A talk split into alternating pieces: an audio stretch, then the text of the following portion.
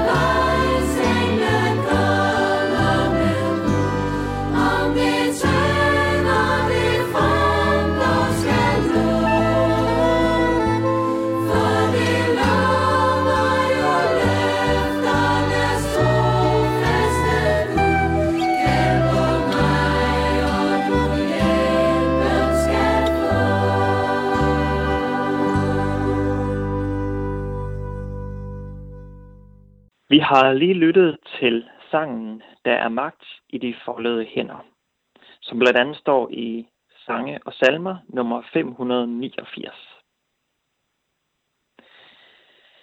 I dag er dagens tema bøn, og vi skal møde Daniel, som der står om i det gamle testamente, og hvordan han handlede i bøn. Derfor vil vi også starte med at læse fra Daniels bog, kapitel 6, vers 8-11. Og der står sådan her. Alle kongerigets rigsråder er blevet enige med fyrsterne, satrapperne, ministerne og statholderne om, at kongen bør træffe beslutning om, at der udstedes følgende dekret. Den, der i de næste 30 dage beder til andre end dig, konge, der enten det er til en Gud eller til et menneske, skal kastes i løvekuglen. Derfor, konge, udstød dekretet og lad det udfærdige skriftligt, så det i henhold til medernes og persernes uigenkaldelige lov ikke kan ændres. Så lod kong Darius dekretet udfærdiges skriftligt. Da Daniel fik at vide, at skrivelsen var udfærdigt, gik han hjem. I tagværelset havde han åbnet, havde han åbne vinduer, der vendte mod Jerusalem. Og tre gange om dagen knælede han og bad til sin Gud og takkede ham. Sådan havde han altid gjort. Nu kom disse mænd fardagen og fandt Daniel, mens han bad til sin Gud og påkaldte ham. Amen. Kender du til det at stå i en situation, hvor du bliver bedt om at gøre noget, som du bestemt ikke har lyst til? Eller en situation, hvor du er helt magtesløs? Hvad gør du i sådanne situationer? Bruger du bønden? Jeg husker, da jeg var teenager, så fejrede jeg nytår med nogle venner. Det var hyggeligt og godt. Men en tradition blev en udfordring for mig. Planen var nemlig den, at vi skulle smide kanonslag i postkasserne og andre steder, sådan at de sprang i luften. Jeg husker, at jeg syntes, det var en dårlig idé. Men jeg blev bedt om at tage med. Det gjorde jeg desværre, for jeg turde ikke sige fra eller gå imod. Nok smed jeg måske ikke noget i postkasserne, men jeg var alligevel med og løb, da opgaven var klaret. Jeg handlede imod det, som jeg dengang og i dag mente var forkert. Måske kender du til lignende situationer, hvor du egentlig har handlet imod det, du synes var, var rigtigt. Forestil dig, at regeringen indfører en lov, hvor du ikke længere må gå i kirke, eller på nogen måde fortælle andre, at du er kristen, eller egentlig blot synes, at, at Bibelen er en spændende bog. Det må du ikke fortælle nogen. Hvad vil du gøre? Vil du holde mund? Vil du alligevel gøre det i stillhed? Eller vil du fortsætte, som du plejer, og, og håbe på det bedste?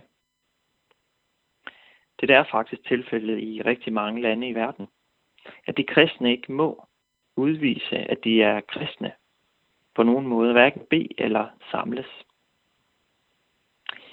Dagens tekst om Daniel viser os, at gennem bønden finder vi kraften til at være i de situationer og udfordringer, som vi kan møde på vores vej. Der var udstedt en lov, som, som Daniel ikke kunne følge. Han måtte ikke bede til, til Gud. Han måtte ikke være sammen med Gud. Han må ikke vise det. Men Daniel, han gjorde det alligevel. For det har han altid gjort. Gennem bønden, der har vi mulighed for at snakke med vores far i himlen, og dermed holde fast i ham og hans ord. Daniel vidste, at på trods af lovregler, så var det vigtigste for ham at snakke med Gud dagligt tre gange. Han turde gå imod en lov, som ikke var god. Han stod fast. Læser vi videre i dagens tekst, så ville det have kostet ham livet, hvis ikke Gud greb ind i sin magt og sørgede for, at nogle glupske løver ikke slår ham ihjel. For som straf for hans overtrædelser, så tog de her mænd og smed Daniel i et hul fyldt med løver over en hel nat. Men næste morgen var der ikke sket Daniel noget. Daniel var trofast og havde tillid til, at Gud havde styr på det. Derfor står der, at Daniel altid havde bedt og takket Herren. Nogle gange gør vi mennesker ting, som vi ved ikke er det bedste for hverken mig selv eller andre. Men også her åbner Gud en dør til os, og lad os komme til ham. Han afviser os ikke, fordi vi, fordi vi ikke handler efter hans vilje. Nej, han tager imod os med åbne arme, når vi kommer til ham og beder om tilgivelse. Vi kan som Daniel også opleve, at livet tager en drejning, vi ikke ønsker eller havde håbet på. Måske vi kommer ud for noget meget smertefuldt, som sygdom eller død.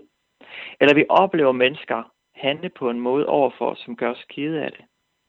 Her er Daniel et forbillede for os. Gud har styr på det. Daniel godt, da han overlever nat med løver. Sådan går det ikke altid så langt fra. Men Gud forlader os ikke. Uanset hvordan udfaldet af vores liv er, uanset valget af det, som vi beder om, så er Gud med, med os. Bønden er en hjælp til at huske dette. At huske på, hvem der er Herren, og hvem der kan fjerne sygdom og lidelse.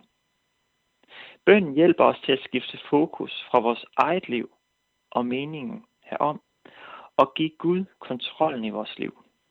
Vi ophøjer ham gennem vores bøn. Det gjorde Daniel, hvilket betød, at kong Darius kom til tro på Gud senere hen, når vi læser videre i teksten. Og kong Darius, han endte med at gøre Gud til landets Gud. Ja, landets sande og eneste Gud. Og det er han også den dag i dag. Amen. Vi vil bede kort. Kære far i himlen, tak fordi vi altid må komme til dig, bøn. Du lytter altid. Nu beder vi om, at vi må åbne vores øjne og se alt det, du gør for os, også denne dag. Giv os tålmodighed og udholdenhed. Giv os formodighed som Daniel. Led os i livet. Amen.